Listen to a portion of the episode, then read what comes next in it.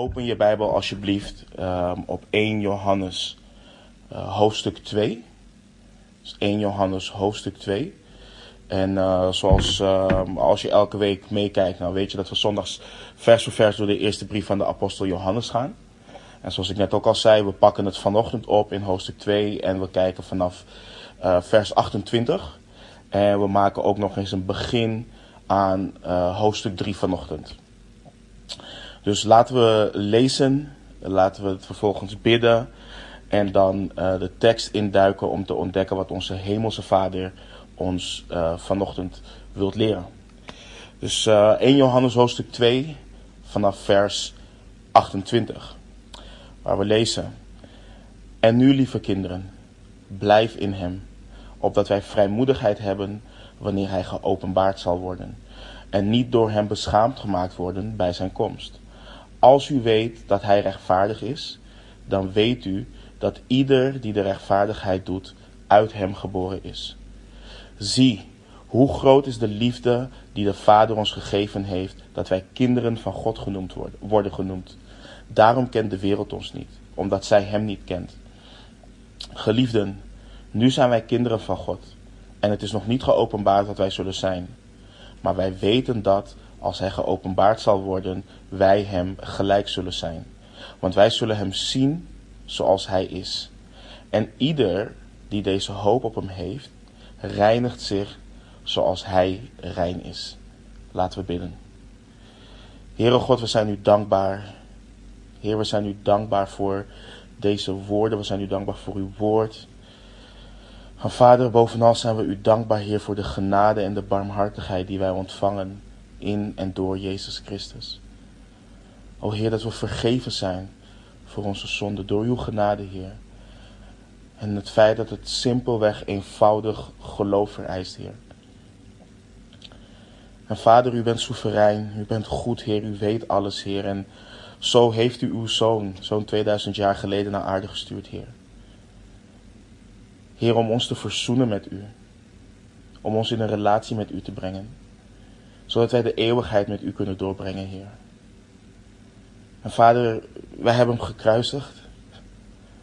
Maar u heeft hem niet in het graf gelaten. Hij is opgestaan en we zijn u daar dankbaar voor. We houden van u, Heer. En Heer, we zijn u dankbaar ook voor de prachtige hoop die we hebben. Heer, we weten dat onze Heer nu aan uw rechterhand zit en dat Hij voor ons pleit. Maar we weten ook dat er een dag zal komen dat Hij ons komt ophalen. Dat we Hem van aangezicht tot aangezicht zullen zien. En we kijken uit naar die dag. En we bidden, Heer, de tussentijd dat we hier zijn, dat U ons gereed maakt, dat U ons toerust. Dat U ons heiligt. Dat U ons heiligt door Uw woord. En dat we niet beschaamd gemaakt zullen worden wanneer, uh, wanneer Hij terugkomt, Heer.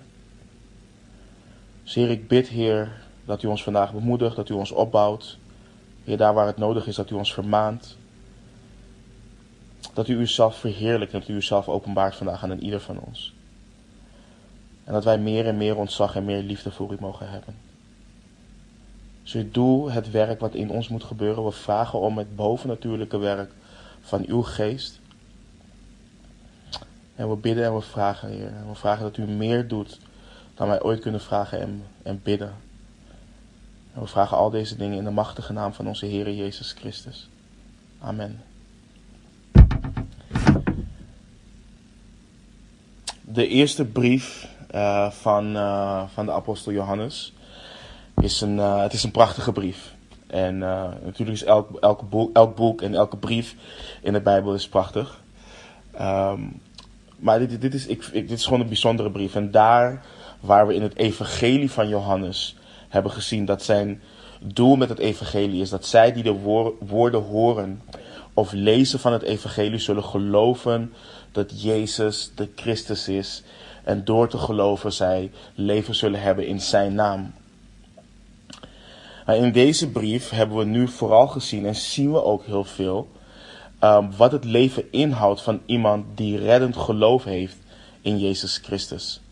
We zien continu wat het leven van een christen hoort te kenmerken. En het leven in een relatie met God door Christus is een bovennatuurlijk leven. En de Heilige Geest die verandert mensen voor leven. En uh, we hebben dus gezien de afgelopen weken um, dat zij die daadwerkelijk gemeenschap hebben met God, dat zij wandelen in het licht. Ze wandelen in het licht omdat God licht is en in Hem in het geheel geen duisternis is. De heiligheid van God spoort ons dus aan om ook een heilig leven te leiden. Of om ook een heilig leven te leven, om in Zijn licht te leven. We hebben gezien dat wij, dat, dat, dat als wij beleiden in een relatie met God te leven en we toch in de duisternis wandelen, dat we liegen. De waarheid is dan niet in ons. Dat wil zeggen dat we niet bewust en actief in zonde kunnen leven terwijl we beleiden een relatie met God te hebben. Johannes leert dat door onder leiding van de Heilige Geest dat het, dat het onmogelijk is. En Johannes heeft geschreven hoe het bloed van Christus ons reinigt van alle zonde. Dat is wat wandelen in het licht doet. We wandelen in het licht. Uh, wanneer we wandelen in het licht, dan zijn we eerlijk over onze zonde. En God, Gods woord confronteert ons. we zijn niet zonder zonde. we komen niet tot een, een, een, een zondeloze perfectiestaat. We, we worden gerechtvaardigd door Christus en God kijkt naar ons en ziet de rechtvaardigheid van Christus op ons. Maar we hebben nog steeds die zondige natuur. En Johannes leert ons dat we daar ook eerlijk over moeten zijn. als we zouden ontkennen geen, uh, als we zouden ontkennen geen zonde te hebben, of als we zouden ontkennen zonde te hebben, dan zouden we onszelf alleen maar misleiden. En nogmaals, dan zou de waarheid niet in ons zijn. Dus in plaats daarvan horen we onze zonde te beleiden. En wanneer we dat doen, hebben we gelezen dat God getrouw en rechtvaardig is om ons te vergeven en ons te reinigen van alle ongerechtigheid. En vervolgens. Um, vervolgens heeft Johannes uiteengezet hoe hij deze woorden schrijft. Um, of waarom hij deze woorden schrijft. Opdat wij niet zouden zondigen. We zien dus dat God als auteur van zijn woord niet wil dat zijn kinderen in zonde leven. Dus hij heeft ons niet vrijgekocht opdat we in, uh, in losbandigheid zouden leven. Um, juist nu dat we in de geest zijn, zijn we ons vlees niets verschuldigd. We hoeven, niet, we hoeven niet toe te geven aan de zonde. Maar Johannes schreef dat als we gezondigd hebben, we een voorspraak hebben bij de Vader. Uh, voor, uh, we hebben een parakletos, we hebben een advocaat die voor ons pleit. Jezus Christus, de rechtvaardige. Hij is de verzoening voor onze zonde. Uh, dus een ieder die kan nu in een relatie komen uh, met God door het werk van Christus aan het kruis. Maar wat we, wat, waar we goed naar moeten kijken en wat we goed hebben gezien, of wat we, wat we hebben gezien is, vers 2 van hoofdstuk 2 leert bijvoorbeeld niet dat iedereen vergeven is. Maar dat juist Jezus de weg is voor een ieder om tot de Vader te komen. Hij is voor de zonden van iedereen gestorven.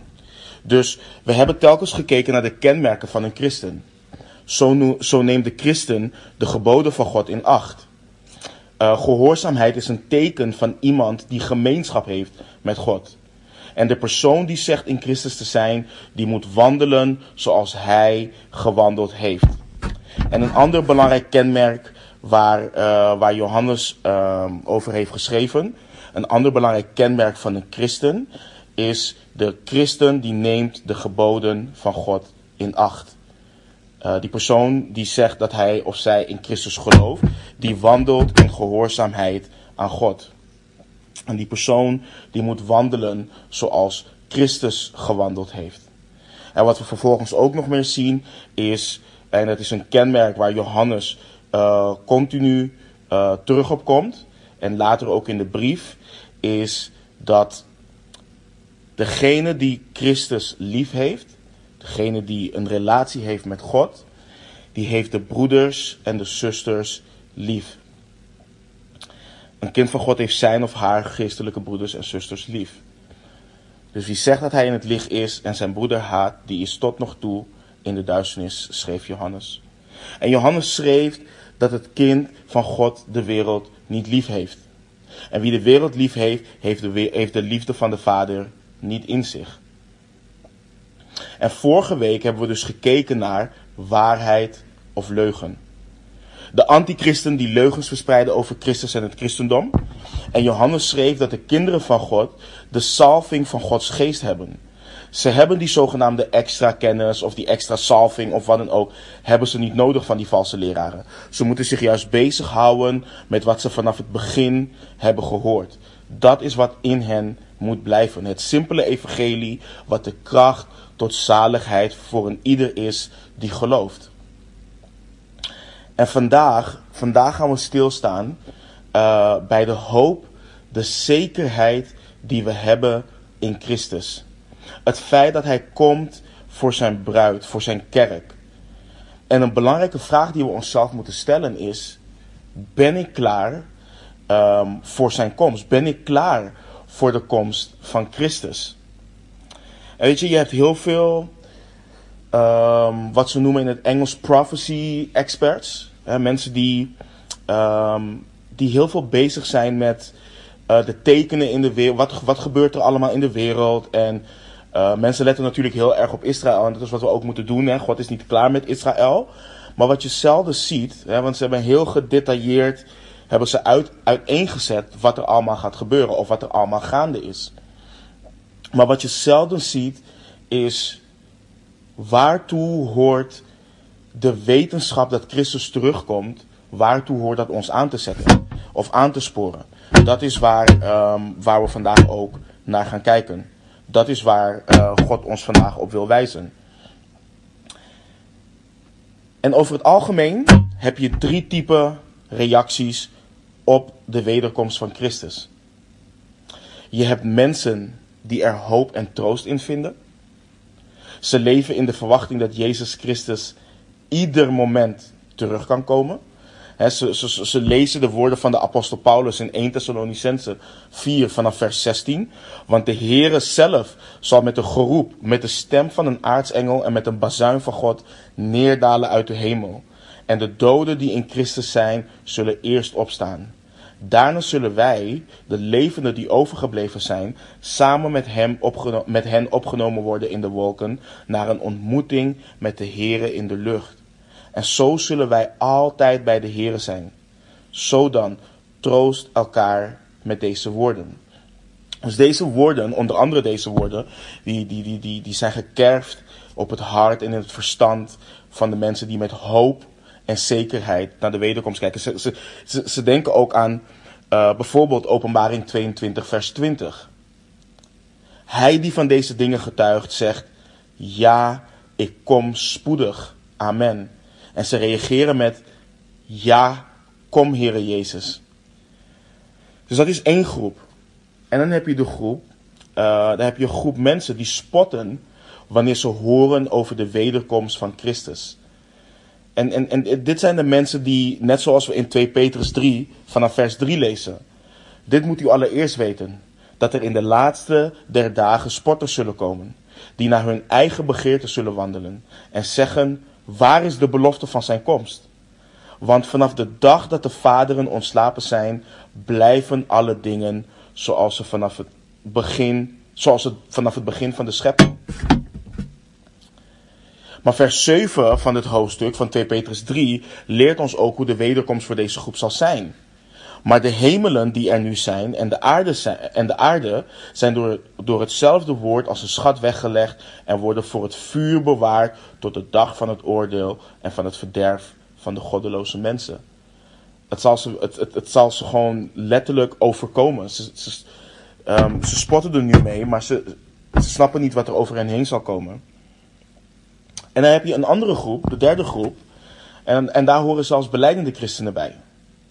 En die zijn letterlijk angstig wanneer ze horen over de wederkomst van Christus. Uh, ze worden angstig wanneer ze eraan denken dat de Heer Jezus terug zal komen.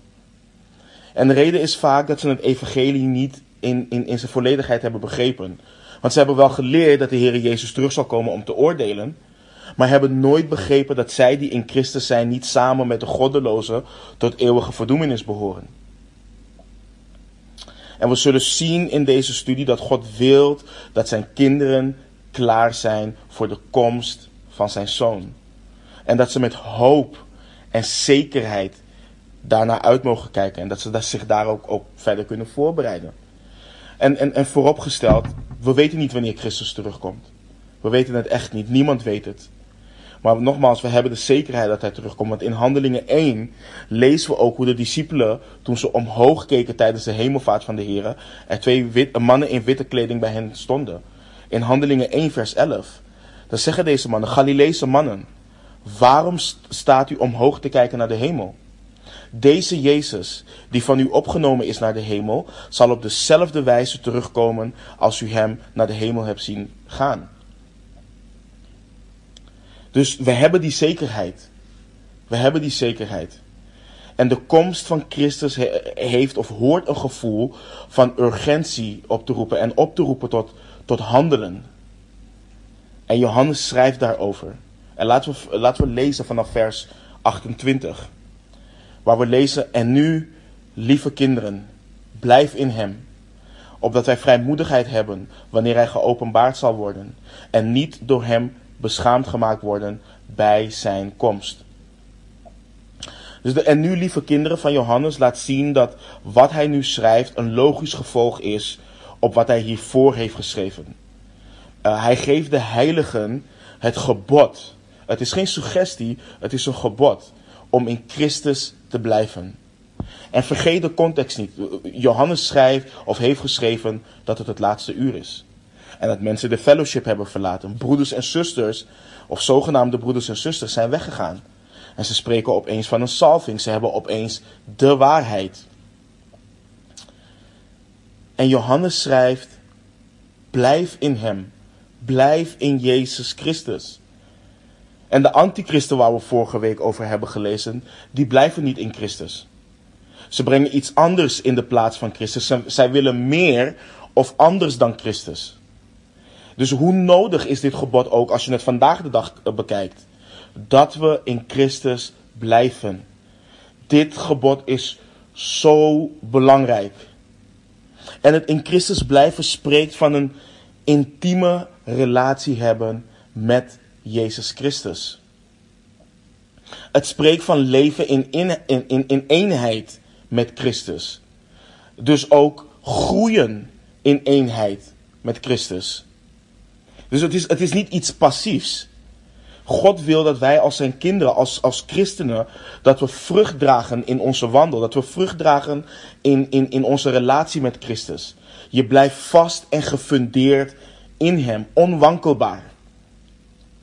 De personen die van Christus hebben geproefd, de personen die Christus hebben en in Hem zijn, weten dat er niets anders toegevoegd eh, hoeft te worden. Dat er niets anders nodig is. En in, in Johannes 15 bijvoorbeeld lezen we dat de Heere Jezus spreekt over het feit dat Hij de ware wijnstok is. En als je dat even vergelijkt, gewoon ook met een boom. Wat gebeurt er met een tak als die niet vast en gefundeerd is in een boom? Het sterft af, het breekt af.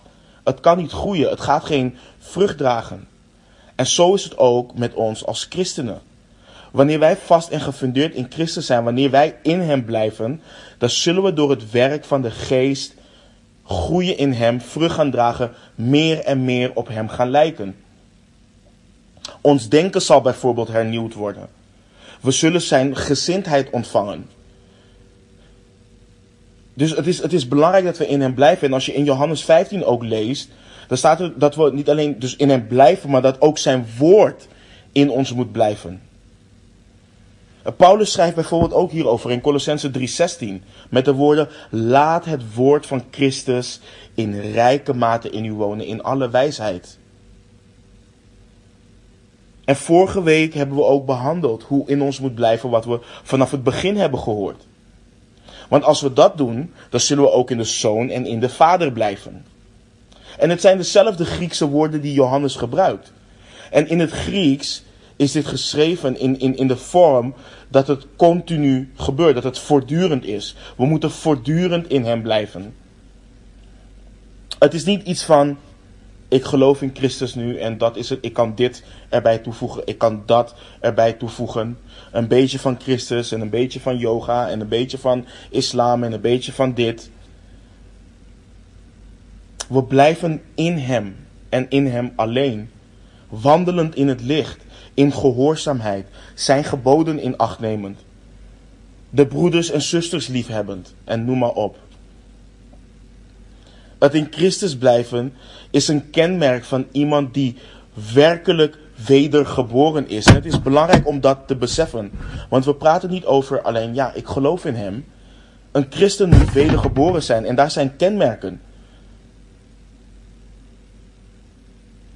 Zij die oprecht in hem geloven, zullen in hem blijven. Ze zullen niet uitwijken naar iets anders. Ze zullen hem niet verlogenen en ook de waarheid over hem niet verlogenen. En, en Johannes schrijft ook, hij, hij geeft niet zomaar dit gebod. Hij schrijft ook waarom. Opdat wij vrijmoedigheid hebben wanneer hij geopenbaard zal worden. En niet door hem beschaamd gemaakt worden bij zijn komst.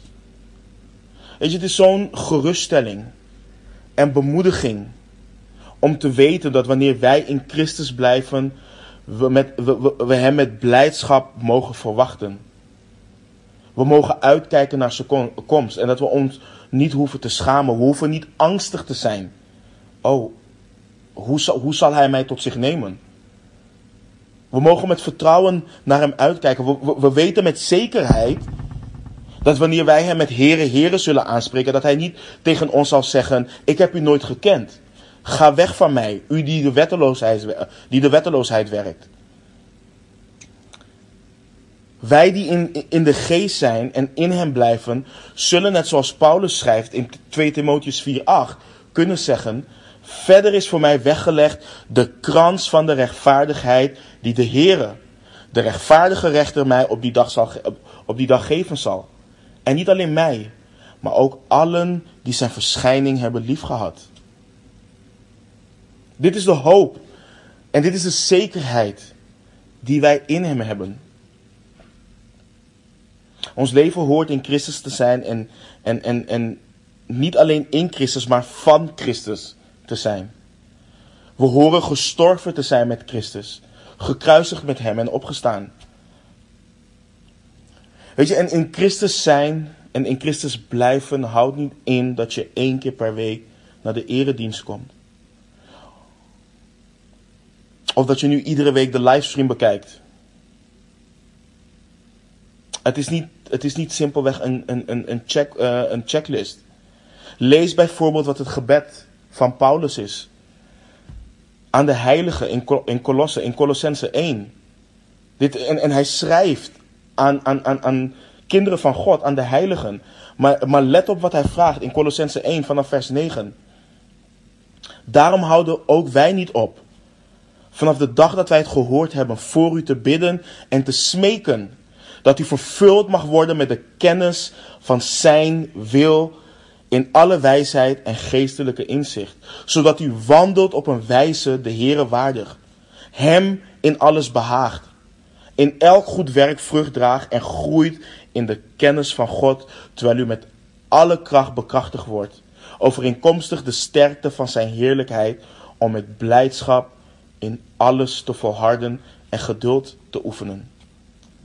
Dit, dit, dit vraagt hij, dit smeekt hij voor, voor christenen. Of lees wat het gebed van hem was voor de heiligen in Efeze. In Efeze 3, vers 17 vraagt hij: opdat Christus door het geloof in uw harten woont en u in de liefde geworteld en gefundeerd bent. Dit is wat God wilt voor zijn kinderen. We horen niet de instelling te hebben, ik ben, ik ben, ja, ik ben gered en ik ben, ik ben, uh, ik ben klaar. We horen vervuld te worden met de kennis van zijn wil.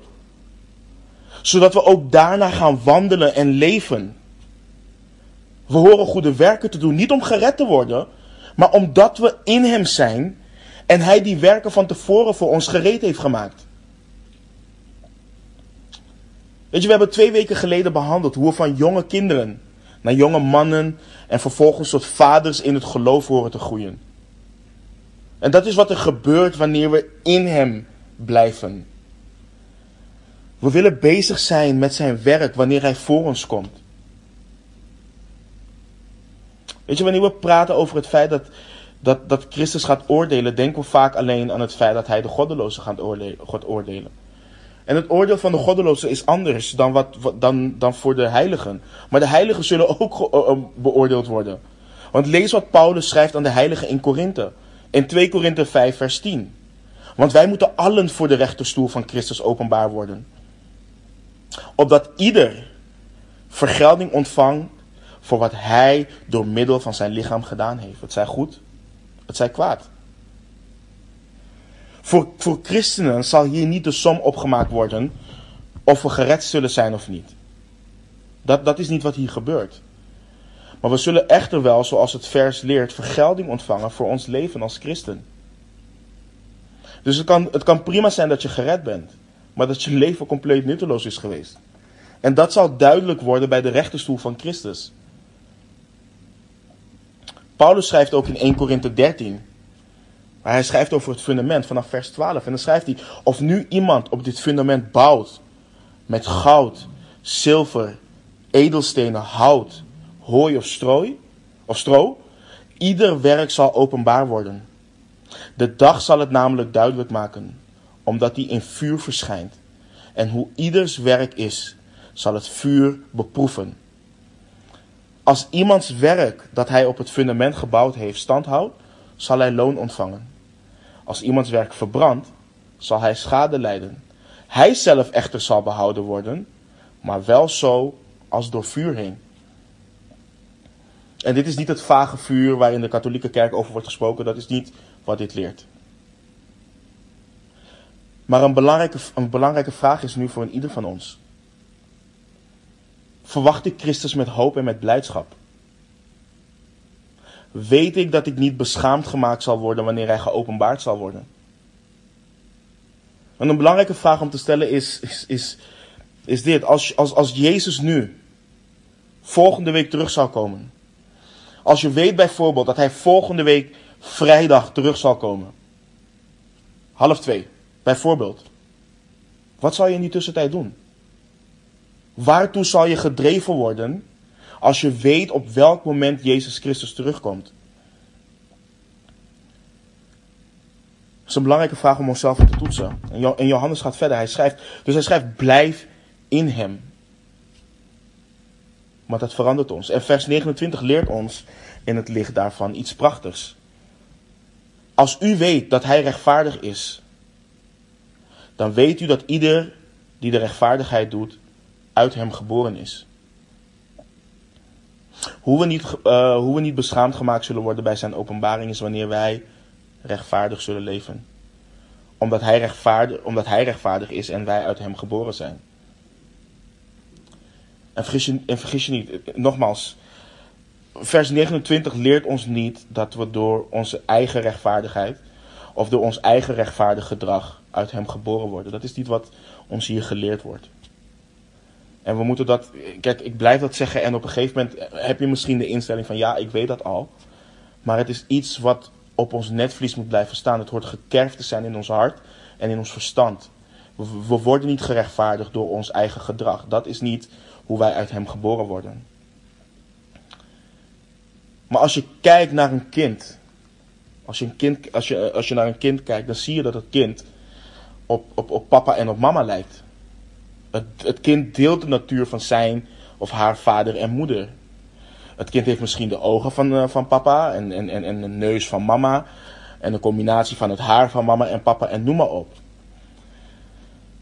En zo is het ook met het kind van God. Een kind dat werkelijk uit hem geboren is, gaat op hem lijken. En je zult dus de rechtvaardigheid van Christus in het leven van een wedergeboren persoon gaan zien. De persoon die uit Christus geboren is, uit God geboren is, die trekt de oude mens uit. Zoals we bijvoorbeeld in Colossense 3 lezen. Het kind geboren uit God legt de toorn af. De woede, slechtheid, laster en schandelijke taal uit zijn of haar mond.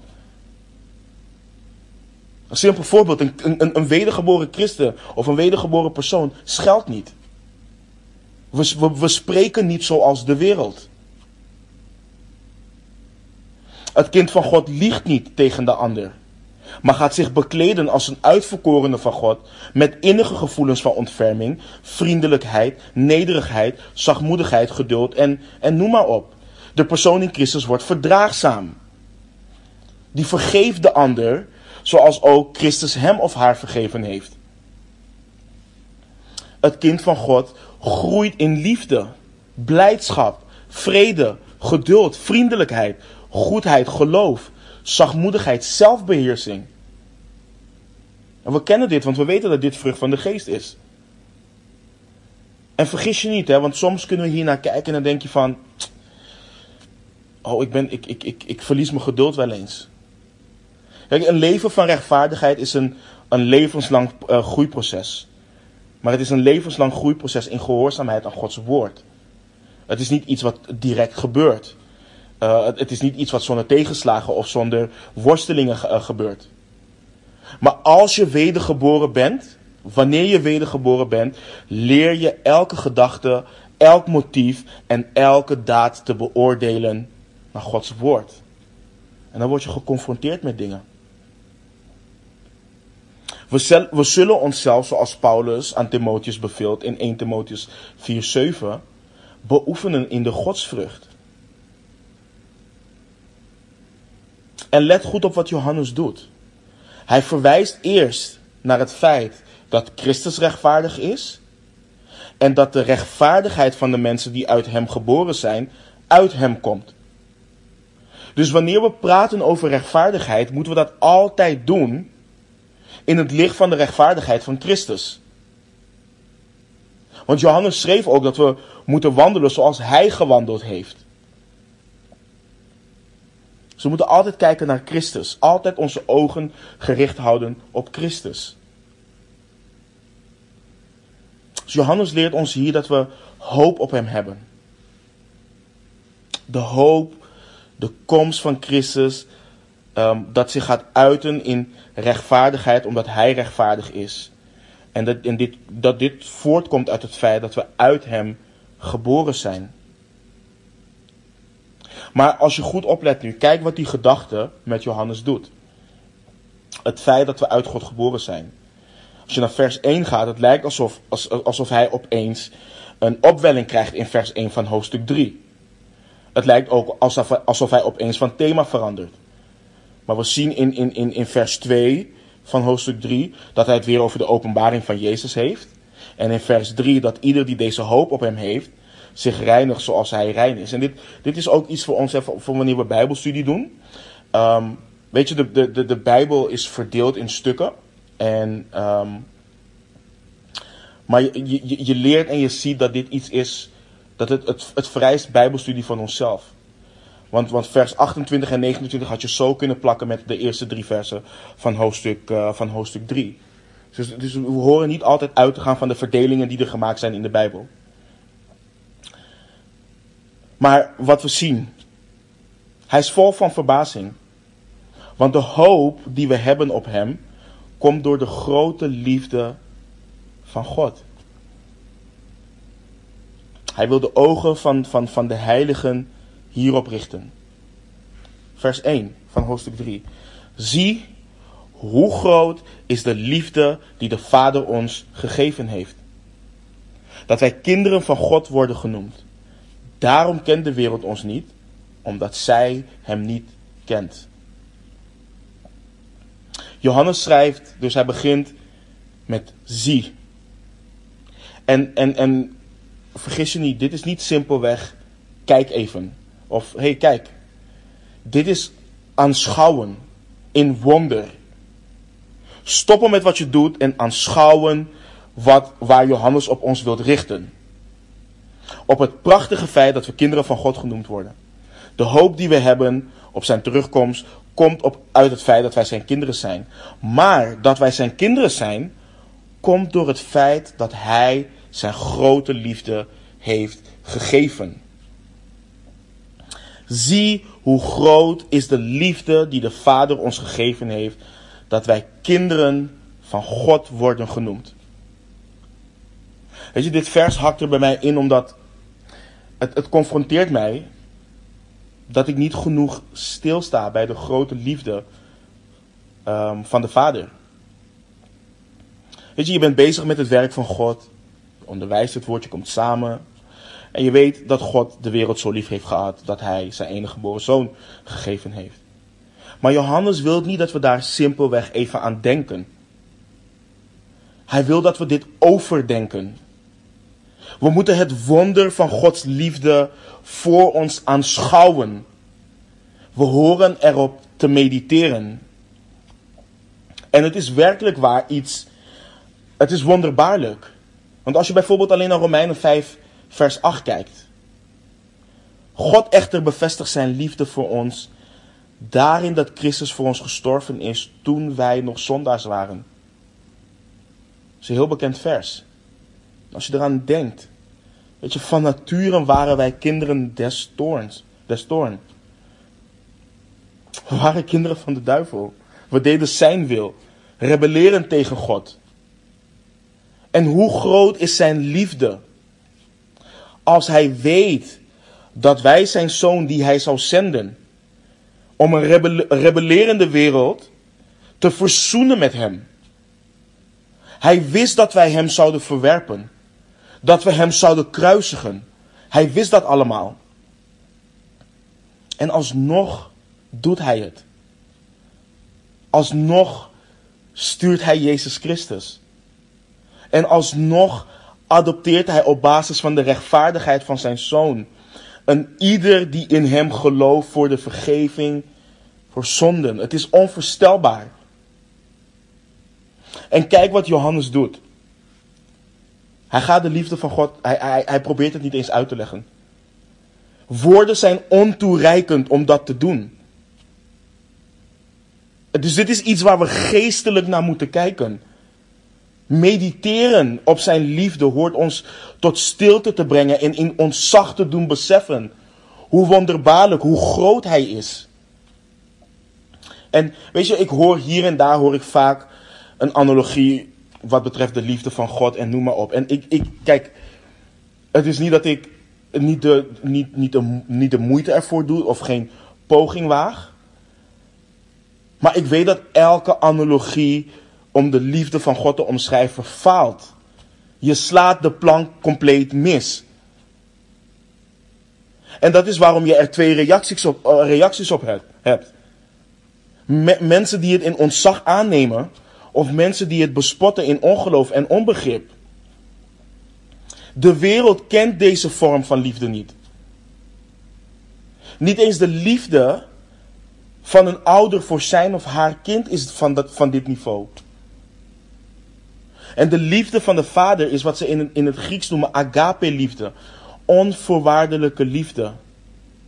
Het is liefde wat je niet kunt verdienen. Het is liefde waar, waar geen voorwaarden aan vastzit. Het kent geen voorwaarden. Het is geen liefde wat voortkomt uit het feit dat wij waardig waren of waardig zijn. We zijn dat niet. Weet je, als ik, als ik eraan denk, ik heb heel veel dingen in mijn leven gedaan waar ik niet trots op ben. Heel veel dingen in mijn leven gezegd waar ik spijt van heb. En heel veel dingen ook in mijn leven dus gezegd waarvan als ik eraan denk dat ik werkelijk waar in één krimp. Um, dat die dingen uit mijn mond zijn gekomen. En ik weet dat ik door Gods genade en barmhartigheid vergeven ben. Ik weet dat God niet meer aan mijn zonde denkt en dat het allemaal door, door Christus komt. En Paulus schrijft bijvoorbeeld ook aan Timotheus dat hij de voornaamste van zondaars was of is. En ik denk dat we allemaal het gevecht voor die titel wel met hem willen aangaan. Ik in ieder geval wel. Maar. En toch is er een heilige God. De enige en waarachtige God. Waarin het geheel geen duisternis in is. En alles wat ik gezegd heb, alles wat ik gedaan heb, waar ik naar heb gekeken, op een manier van afgunst, op een manier van, van lust, wat voor manier dan ook. Die dingen zijn niet in God. Hij is puur, hij is heilig. Denk erover na, alle dingen die jij hebt gedaan. En denk dan na over het feit dat die God jou lief heeft. Hij heeft de wereld lief gehad. Hij zond zijn zoon die in eeuwigheid deelde in de gemeenschap met hem. Zijn zoon bekleed met glorie. Zijn zoon die, terwijl hij in de gestalte van God was, het niet als roof beschouwd heeft aan God gelijk te zijn, maar zichzelf ontledigd heeft door de gestalte van een slaaf aan te nemen en aan de mensen gelijk te worden. Zoals we in, in Filippenzen 2 kunnen lezen. Weet je, sommige dingen worden in de loop van de tijd normaal voor ons. We hebben het al zo vaak gehoord. We weten het en we kennen het. En toen het nieuw en vers was, toen had het echt een invloed op ons. Toen werden we, er, we werden erdoor bewogen. Maar naarmate de tijd verstrekt, wordt het slechts iets wat we al weten. Dat, dat kan gebeuren. Maar de wetenschap van de grote liefde van God, de grote liefde van de Vader voor ons is iets wat in de loop der jaren sterker en sterker zou moeten worden. Totdat het elk aspect van ons leven volledig domineert. Weet je, hoe meer ik in God groei, hoe meer ik met Hem leef, hoe meer ik besef hoe, hoe, dat ik zondig ben. En wat voor grote zondaar ik ben. En des te meer ik daardoor ga beseffen hoe groot de liefde van de Vader is. Dat Hij mij aanneemt. Dat ik, dat ik onderdeel van Zijn familie word. Dat Hij me in de bediening plaatst. Ik, het is onwerkelijk. En als we daarover nadenken. Het, het, hoort onze gedachten te verteren en ons gedrag volledig te beheersen. Het hoort ons te motiveren om God te dienen en een heilig leven te leiden. En wanneer we onze ogen daarop richten, dan geeft het ons troost en kracht te midden van al onze beproevingen. De liefde van de Vader. Het zou ons zodanig moeten vullen dat we het immense verlangen hebben om bij Hem in de hemel te zijn. En wat ik al eerder zei, het zou ons in een staat van ontzag en aanbidding moeten brengen. Hoe groot is de liefde van de soevereine God? Dat Hij zijn liefde zal uitgieten over een zondige mens. Hoe groot is Zijn liefde? En waartoe drijft Gods liefde jou? Dat is een belangrijke vraag om bij, neer, bij, bij, bij, bij stil te staan. Drijft het jou tot wederliefde? Liefde voor je broeders en zusters. Liefde voor je naaste. Drijft Gods liefde jou tot het delen en verkondigen van Gods liefde met de mensen die het nog niet kennen en hebben ervaren? En let op het woord wat, wat, wat Johannes schrijft. Gegeven. Hij heeft ons zijn liefde gegeven. Het is een cadeau, het is genade. En ik denk dat we er niet vaak bij stilstaan. Ik las laatst een bericht. En, en, en, en die persoon bedoelde het in alle goede, goede bedoelingen. Geloof ik. Dat Christus gestorven is voor ons omdat jij het waard bent. En dat is niet zo. We zijn het niet waard. En God was niet verplicht om ons te redden. Hij was het ons niet verplicht. Hij had die belofte die we lezen in Genesis 3:15 niet hoeven te maken. Hij had ons kunnen laten. Hij had ons kunnen verlaten zoals hij de gevallen engelen verliet. Zonder enige redding. Hij veroordeelde hen terecht tot het eeuwige vuur. Maar in plaats daarvan heeft hij ons zijn grote liefde gegeven om ons van de geestelijke dood tot leven te brengen. Om ons van duisternis naar het licht te brengen. En zelfs meer dan dat, om ons zijn geliefde kinderen te maken door de wedergeboorte. En hoe prachtig is het dat we mogen weten dat God niet alleen zijn liefde heeft gegeven, maar ook dat niets ons van zijn liefde kan scheiden. Ik weet niet in, in hoeverre je daarbij stilstaat. En we kennen de versen wel. Maar in hoeverre landt dat daadwerkelijk in je verstand en in je hart? Wanneer wij Gods kinderen worden, kan niets ons meer daarvan scheiden. Niets kan ons meer van zijn liefde scheiden. Het kan ons niet afgenomen worden. Paulus schrijft in Romeinen 8:35: Wie zal ons scheiden van de liefde van Christus? Verdrukking of benauwdheid of vervolging of honger of naaktheid of gevaar of zwaard? En in vers 38 gaat hij verder en schrijft hij ook, want ik ben ervan overtuigd dat nog dood, nog leven, nog engelen, nog overheden, nog krachten, nog tegenwoordige, nog toekomstige dingen, nog hoogte, nog diepte, nog enig ander schepsel ons zal kunnen scheiden van de liefde van God in Christus Jezus, onze Heren. Onze Heren. Weet je, voor veel mensen is dit moeilijk om te begrijpen. Sommige moslims claimen dat we dezelfde God aanbidden. Maar Allah, Allah heeft niet zo lief zoals God van de Bijbel lief heeft. En, en alleen op basis daarvan al, en ik kan heel, we kunnen uiteenzetten waarom Allah en God niet dezelfde zijn, maar alleen op basis daarvan zien we al dat het niet dezelfde God is. Sterker nog, hij heeft niet alleen lief. Later in de brief gaan we lezen dat hij liefde is. Maar mensen kunnen of willen dit niet zien. Want men gaat ervan uit dat een heilige God een boze God moet zijn. Dat een heilige God een tiran is. Of, of dat, dat, dat hij wacht om, om, om, om zonde genadeloos te bestraffen. Maar wat men niet beseft, dat het uit liefde is dat hij de zonde juist gestraft heeft in Christus. Aan het kruis heeft Christus de straf voor een ieder gedragen. En voor de, men, voor de mensen die niet kunnen of die niet willen beseffen, en vooral ook voor moslims, dat heiligheid en liefde elkaar nooit hoeven tegen te spreken, hoef je alleen te kijken naar het kruis. Want als je de toorn ziet die over Jezus heen kwam, dan zie je dat God heilig is. Maar als je kijkt naar het feit dat hij zijn zoon zond om ons te redden, dan zie je dat hij liefde is. En dat hij liefde geeft. Aan het kruis zie je dat Gods liefde zijn heiligheid nooit te niet zal doen. En niet te niet doet. Je moet mensen echt lief hebben. Wil je je eigen zoon verbrijzelen aan het kruis?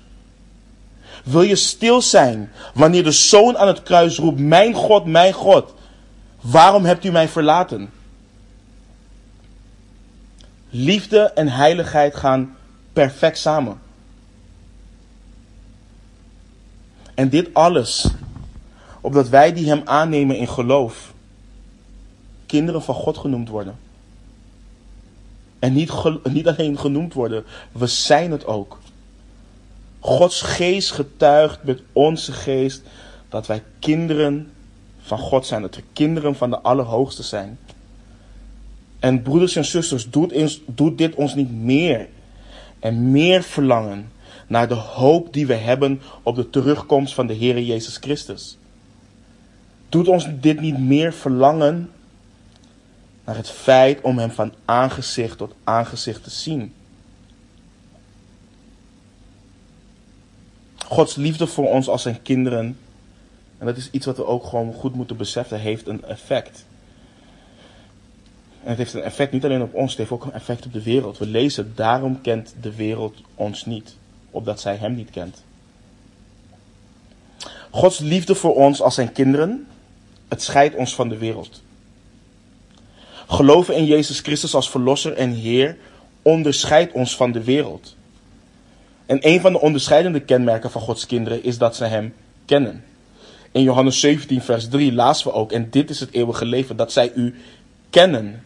De enige waarachtige God en Jezus Christus die u gezonden hebt. En lieve mensen, daarom hoeven we ons ook niet te schamen wanneer Hij ons komt halen. We kennen Hem. We blijven in Hem. Het onderscheidt ons van de wereld. En je ziet hier dus, en dit is belangrijk om te beseffen, want dit is ook een leugen die je continu hoort in de kerk. Niet iedereen is automatisch een kind van God. En ik zei dit net al, zij die in hem geloven hebben hem aangenomen. Het maakt ons niet beter, maar het onderscheidt ons wel van de wereld. Sommigen leren dat we, wat ik net al zei, dat we allemaal kinderen van God zijn, omdat we allemaal uit Adam komen. En het is niet waar. We komen wel allemaal uit Adam. En we zijn allemaal kinderen van Adam. Maar in Johannes 1, vers 12 leren we duidelijk, maar allen die hem aangenomen hebben, hun heeft hij macht gegeven kinderen van God te worden. En hij, bevestigt het weer. Namelijk die in zijn naam geloven. Er mag daar geen misverstand over bestaan. Allen die dat niet doen, blijven kinderen des toorn. Ze blijven kinderen van de wereld, van de Satan. En er is dus een groot onderscheid tussen de kinderen van de wereld en de kinderen van God.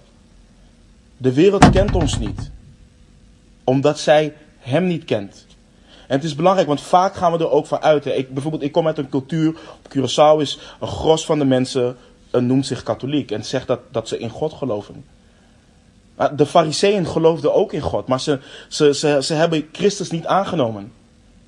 En Jezus zei dat je opnieuw geboren moet worden. Je moet opnieuw geboren worden, anders kun je het koninkrijk van God niet beërven. Je bent niet automatisch een kind van God. Het kennen van God verandert ons. Het, intiem kennen van God betekent letterlijk wat. Je behoort niet zomaar tot, tot, tot zijn familie. En ik bedoel hier absoluut niet mee dat wij uit de hoogte moeten doen. En dat het een wij versus zij is en ik ben beter en noem maar op. Nogmaals, we weten, het is de genade van God. Het is door zijn goede tierenheid. Maar je behoort niet zomaar tot die familie. Maar God wil het wel. En je kunt dat door zijn zoon in geloof aan te nemen. En omdat je tot een, een, een andere familie behoort, tot Gods familie en je door Gods geest veranderd wordt naar het evenbeeld, gaat de wereld je vanzelf hetzelfde behandelen als hoe ze Christus hebben behandeld. En hoe ze Christus vandaag de dag nog steeds behandelen. En vanwege deze kloof, als je Gods liefde in Jezus Christus kent, ben je eigenlijk een buitenaards wezen. Dit is niet onze thuis. Je bent een buitenaards wezen in deze slechte wereld die Christus heeft verworpen. Of althans, en, nog belangrijker, je hoort je een buitenaards wezen te voelen als je in het gezelschap van de wereld bent. Of als je de entertainment van de goddeloze wereld tegenkomt. En een belangrijke vraag die we onszelf moeten stellen is: kun jij zeggen, de wereld kent mij niet? Kun je zeggen, voor de wereld ben ik echt een vreemde? Ik ben niet van deze wereld. En als je daarop geen nee kunt zeggen, dan moet je jezelf onderzoeken of je in het geloof bent.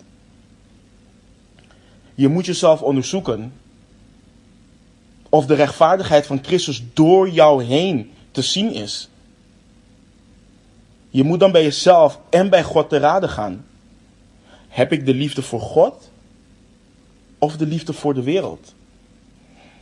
Weet je, kijk, ik, ik, ik zei het vorige week al of twee weken geleden het niet liefhebben van de wereld betekent niet dat we geen omgang hebben met mensen die in de wereld zijn. Dat, dat is niet wat het uh, betekent. Maar het betekent wel dit. Een ongelovige, een zondaar, een persoon die nog niet in Christus is, die mag zich nooit comfortabel voelen in zijn of haar zonde bij jou als wedergeboren christen. Als de wereld jou als christen omarmt, is het omdat je op de wereld lijkt. We horen net zoals Jezus in de wereld de verlorenen te zoeken en die zalig te maken. Maar we horen nooit met de wereld mee te doen en onderdeel te worden van de wereld. En we horen het zo vaak. Je bent in de wereld, maar niet van de wereld. En daarom schrijft Johannes ook vanaf vers 2. Geliefden, nu zijn wij kinderen van God. En het is nog niet geopenbaard wat wij zullen zijn. Maar wij weten dat, als hij geopenbaard zal worden, wij hem gelijk zullen zijn. Want wij zullen hem zien zoals hij is. En ieder die deze hoop op hem heeft, reinigt zich zoals hij rein is. Johannes geeft de bevestiging: geliefden zijn kinderen van God. Dit is hoe we in en voor de wereld staan. Maar nog belangrijker, dit is hoe we voor God staan. Als zijn geliefde kinderen. Geadopteerd in en door Jezus Christus de rechtvaardige. En we weten, schrijft Johannes, wat we nu zijn. En dat weten we met zekerheid. Maar we weten nog niet wat we zullen zijn. En hij lijkt twee dingen te bedoelen. Ten eerste, aangezien hij er meteen aan toevoegt dat wanneer Jezus verschijnt, we hem gelijk zullen zijn, bedoelt hij dat we nu op dit moment nog niet als hem zijn. Onze toekomstige staat van verheerlijkte perfectie, waarin we vrij zullen zijn van, van zonde, alle onzuiverheid van de zonde, is niet de realiteit wat we nu in het leven hebben. De persoon die dat onderwijst, ik heb dat vorige week ook al verteld, en daarvoor ook al, de persoon die dat vertelt, verkondigt dwaalleer. We leven op dit moment in ons gevallen vlees. En we zullen nooit perfect geheiligd worden aan deze kant van de eeuwigheid. Maar we zullen wel moeten groeien in heiligheid. We zullen onszelf moeten reinigen, schrijft hij in vers 3. Ons leven is nu verborgen in Christus. Wat we zullen zijn is nu nog verborgen in hem. En Paulus schrijft daar op een prachtige manier ook over in Colossense 3, versen 3 en 4. Hij schrijft: Want u bent gestorven en uw leven is met Christus verborgen in God.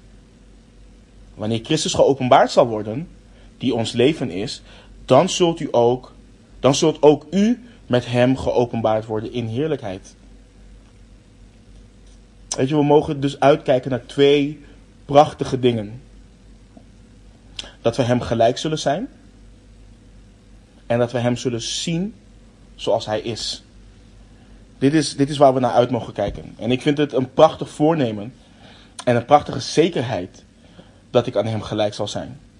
En dit houdt trouwens niet in dat we goddelijk zullen zijn, dat we ook God zullen zijn. We zullen vrij zijn van zonde. We hebben een verheerlijk lichaam. Dat is wat het is. En ik kijk daarnaar uit. Geen ziekte, geen aandoeningen. Al die dingen zullen tot het verleden behoren. Weet je, wanneer je ouder wordt en je opstaat en je met pijn en al, dat, dat gebeurt allemaal niet meer. We zullen hem gelijk zijn. Dit is wat God voor ons heeft. En Paulus schrijft hier ook over in Romeinen 8, vers 29. Want hen die hij van tevoren gekend heeft, heeft hij er ook van tevoren toebestemd om aan het beeld van zijn zoon gelijkvormig te zijn, opdat hij de eerstgeborene zou zijn onder vele broeders. Is, het is een hij heeft ons daartoe voorbestemd. Het is echt, we mogen hier echt met blijdschap naar uitkijken. En, en we zullen hem gelijk zijn. En daarnaast, en, en dit is, ik kijk hier zo naar uit. We zullen hem zien zoals hij is in zijn hemelse glorie en heerlijkheid. We zullen Hem zien in zijn absolute heiligheid. We zullen in de heerlijkheid van God zijn. We zullen ongehinderd in de heerlijke aanwezigheid van God zijn. En Johannes omschreef dit in, in, in Openbaring 1, vers, van vers 13. Hoe hij hem zag. En te midden van deze zeven kandelaren zag ik iemand die op de zoon des mensen leek. Gekleed in een gewaad tot op de voeten en op de borst omgord met een gouden gordel. En zijn hoofd en haren waren wit. Als witte wol als sneeuw en zijn ogen waren als een vuurvlam. En zijn voeten waren als blinkend koper, gloeiend gemaakt in een oven. En zijn stem klonk als het geluid van vele wateren. Hij had zeven sterren in zijn rechterhand en uit zijn mond kwam een tweesnijdend scherp zwaard. En zijn gezicht was zoals de zon schijnt in haar kracht. En ik besef me iets al te goed, ook al lezen we dit niet, kunnen we gewoon simpelweg niet bevatten hoe het zal zijn, hoe hij is. Maar dit is de zekerheid die we hebben. Want let op wat Johannes schrijft. Maar wij weten dat als hij geopenbaard zal worden, we weten het. We weten zeker dat deze dag zal komen. Het is geen lege hoop, een lege hoop die we hebben. Weet je, vaak hoor je mensen, ja, dit, het is goed dat jij die hoop hebt. Dat je hieraan kunt vasthouden. Hey, dit, is, dit is zekerheid wat we hebben. We weten het. En Johannes schrijft ook, hè, deze wetenschap heeft een toepassing.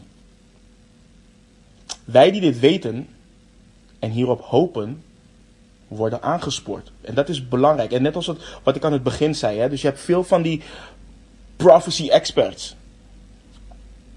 Die schrijven van, of die, die, die, die, die zeggen van alles. Maar zelden sporen ze mensen aan. In, wat Johan, in waar Johannes in ons hier gaat aansporen. Vanaf vers 3. En ieder die deze hoop op hem heeft, reinigt zich zoals hij rein is. Dit is niet iets waar we alleen simpelweg naar uitkijken. Dit heeft al invloed op ons nu aan deze kant van de eeuwigheid. En kijk, vers 3 leert ons niet dat als we onze hoop op Christus gevestigd hebben, we onszelf moeten gaan reinigen. Het leert ons dat wanneer we die hoop hebben, we onszelf al reinigen. Met andere woorden, wanneer we beleiden vers 2 te geloven, kan dat alleen zichtbaar worden of bewezen zijn doordat vers 3 al zichtbaar is in ons leven.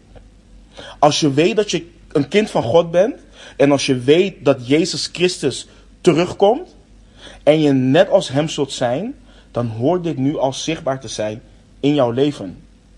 Je hebt namelijk de hoop, de zekerheid dat Christus terugkomt.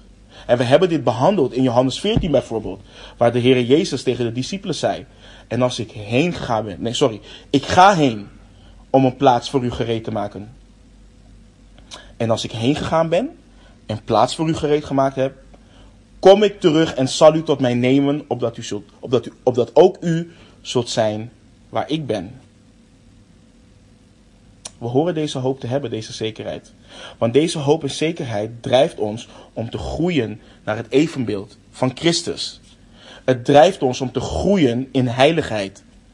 Dat is wat het hoort te doen wanneer we denken aan de eeuwigheid, wanneer we denken aan de opname, wanneer we denken aan de wederkomst van Christus. En weet je, soms, soms denken we aan de hemel en vragen we onszelf vaak af: wat gaan we de hele dag daar doen? Gaan we werken? Zweven we op wolken? Wat dan ook. En, en, en eerlijk gezegd hoort dit niet onze zorg te zijn. De hoop en het verlangen naar de hemel hoort nu effect op ons te hebben. Onze focus hoort te liggen op het eeuwig gelijkvormig worden aan het beeld van Christus door de kracht van God de Heilige Geest. Als we de hoop hebben, als we de hoop die we hebben in de juiste context plaatsen, plaatsen zal het ons leven zodanig beïnvloeden, of hoort het ons leven zodanig te beïnvloeden, um, tot een leven van rechtvaardigheid en heiligheid aan deze kant van de eeuwigheid. Weet je, het, het, het, het zou, onze primaire focus zou moeten liggen op de, diepe, op de diepe betekenis van eeuwig gelijkvormig worden aan Christus. Als zijn hoop, of als, als, als we onze hoop op de absolute heiligheid van de Here vestigen en ernaar verlangen om in de toekomst bij Hem te zijn, dan gaan we, dan zal ons leven positief worden beïnvloed in de, in de richting van rechtvaardig leven. Dus, degenen die in Christus blijven, die de rechtvaardigheid doen, die dankbaar zijn voor de liefde, die de liefde van God aanschouwen, zullen steeds meer gaan lijken op Jezus Christus. Ze reinigen, ze reinigen zich zoals Hij rein is.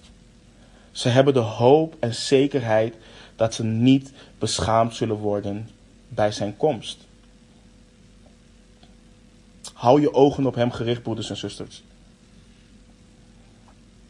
Hou het gericht op de toekomst. Want soms zijn we zo gericht op het hier en nu. Op de beproevingen van het leven. Dat we, dat we de zekerheid die we in Hem hebben vergeten. Weet je, Gods liefde en, en, en de zekerheid dat Hij komt. Het, het, al onze problemen horen weg te vagen in het licht daarvan. In de wetenschap daarvan. Dus de vraag die we onszelf echt moeten stellen is: ben ik klaar voor het feit dat mijn Heer en mijn Verlosser mij komt halen? Ben ik bezig met het Koninkrijk van God? Verzamel ik mijn schatten in de hemel? Bekeer ik me van zonde? Beleid ik mijn zonde? Doe ik de rechtvaardigheid? deel ik de hoop die ik heb met anderen nu er nog tijd is? We weten niet hoe lang we nog hebben, broeders en zusters. We weten niet hoe lang de mensen hebben die Hem nog niet kennen. En dat is ook een belangrijke vraag voor ons. Met wie zou je het evangelie in alle urgentie delen als je weet dat Hij morgen terug zal komen? Weet je, we zijn nu zo bezig met bijvoorbeeld het coronavirus en al dat soort dingen. En zijn bezig met het tekenen van de eindtijd en noem maar op. En al die dingen. De Heere Jezus heeft ons ook uh, gezegd dat we moeten letten op de tekenen. Hij heeft ons dat gezegd. Maar het hoort ons ook aan te sporen. Want ik heb net een paar dingen uit Openbaring geciteerd. Maar als we de rest van het boek van Openbaring lezen. dan weten we hoe Gods toorn uitgegoten gaat worden. over de goddeloze wereld.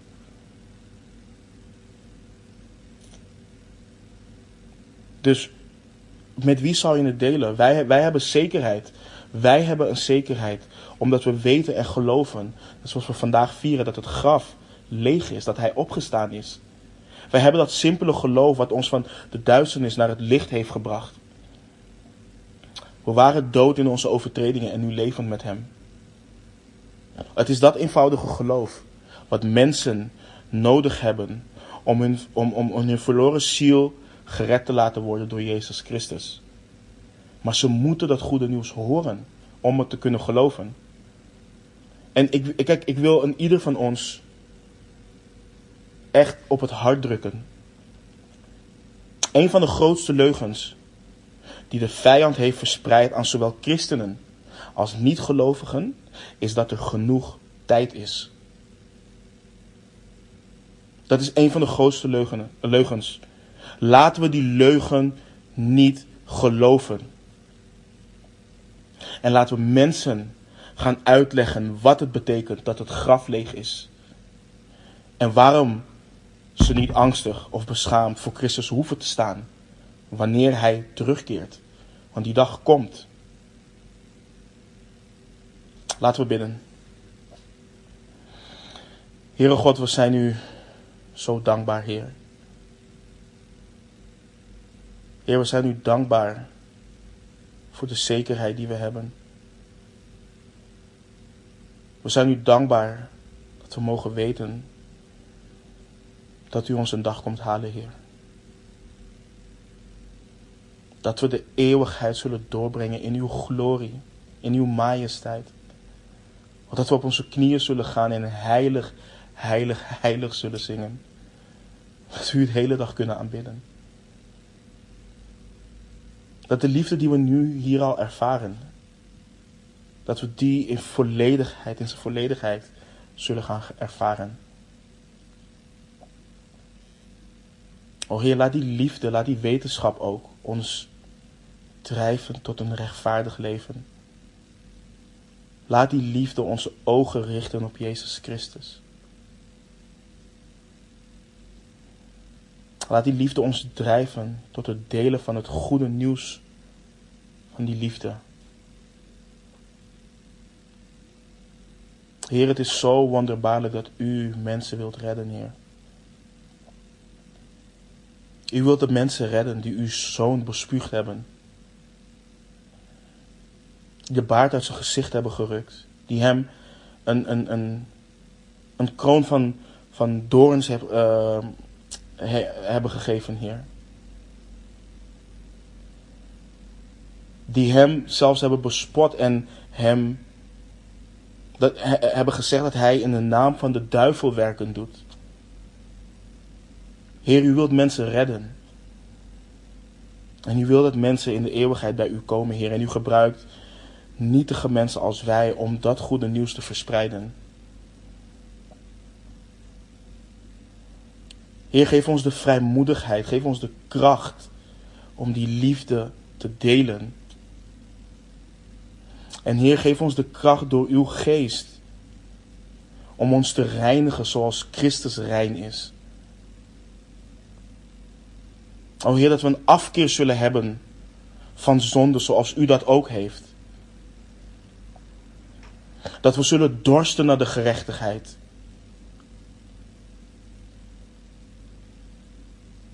Heer, help ons.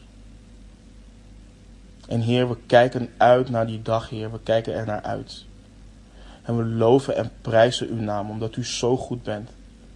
En we zijn u zo dankbaar nogmaals dat u uw zoon niet in het graf heeft gelaten, Heer. Want Heer, anders was het allemaal voor niets en dan hadden wij deze hoop niet. En we weten zeker dat wij vergeven zijn en dat we niet beschaamd voor u hoeven te staan, omdat u dat niet wilt. Dus bemoedig ons, vermaan ons, voed ons op, rust ons toe, Heer.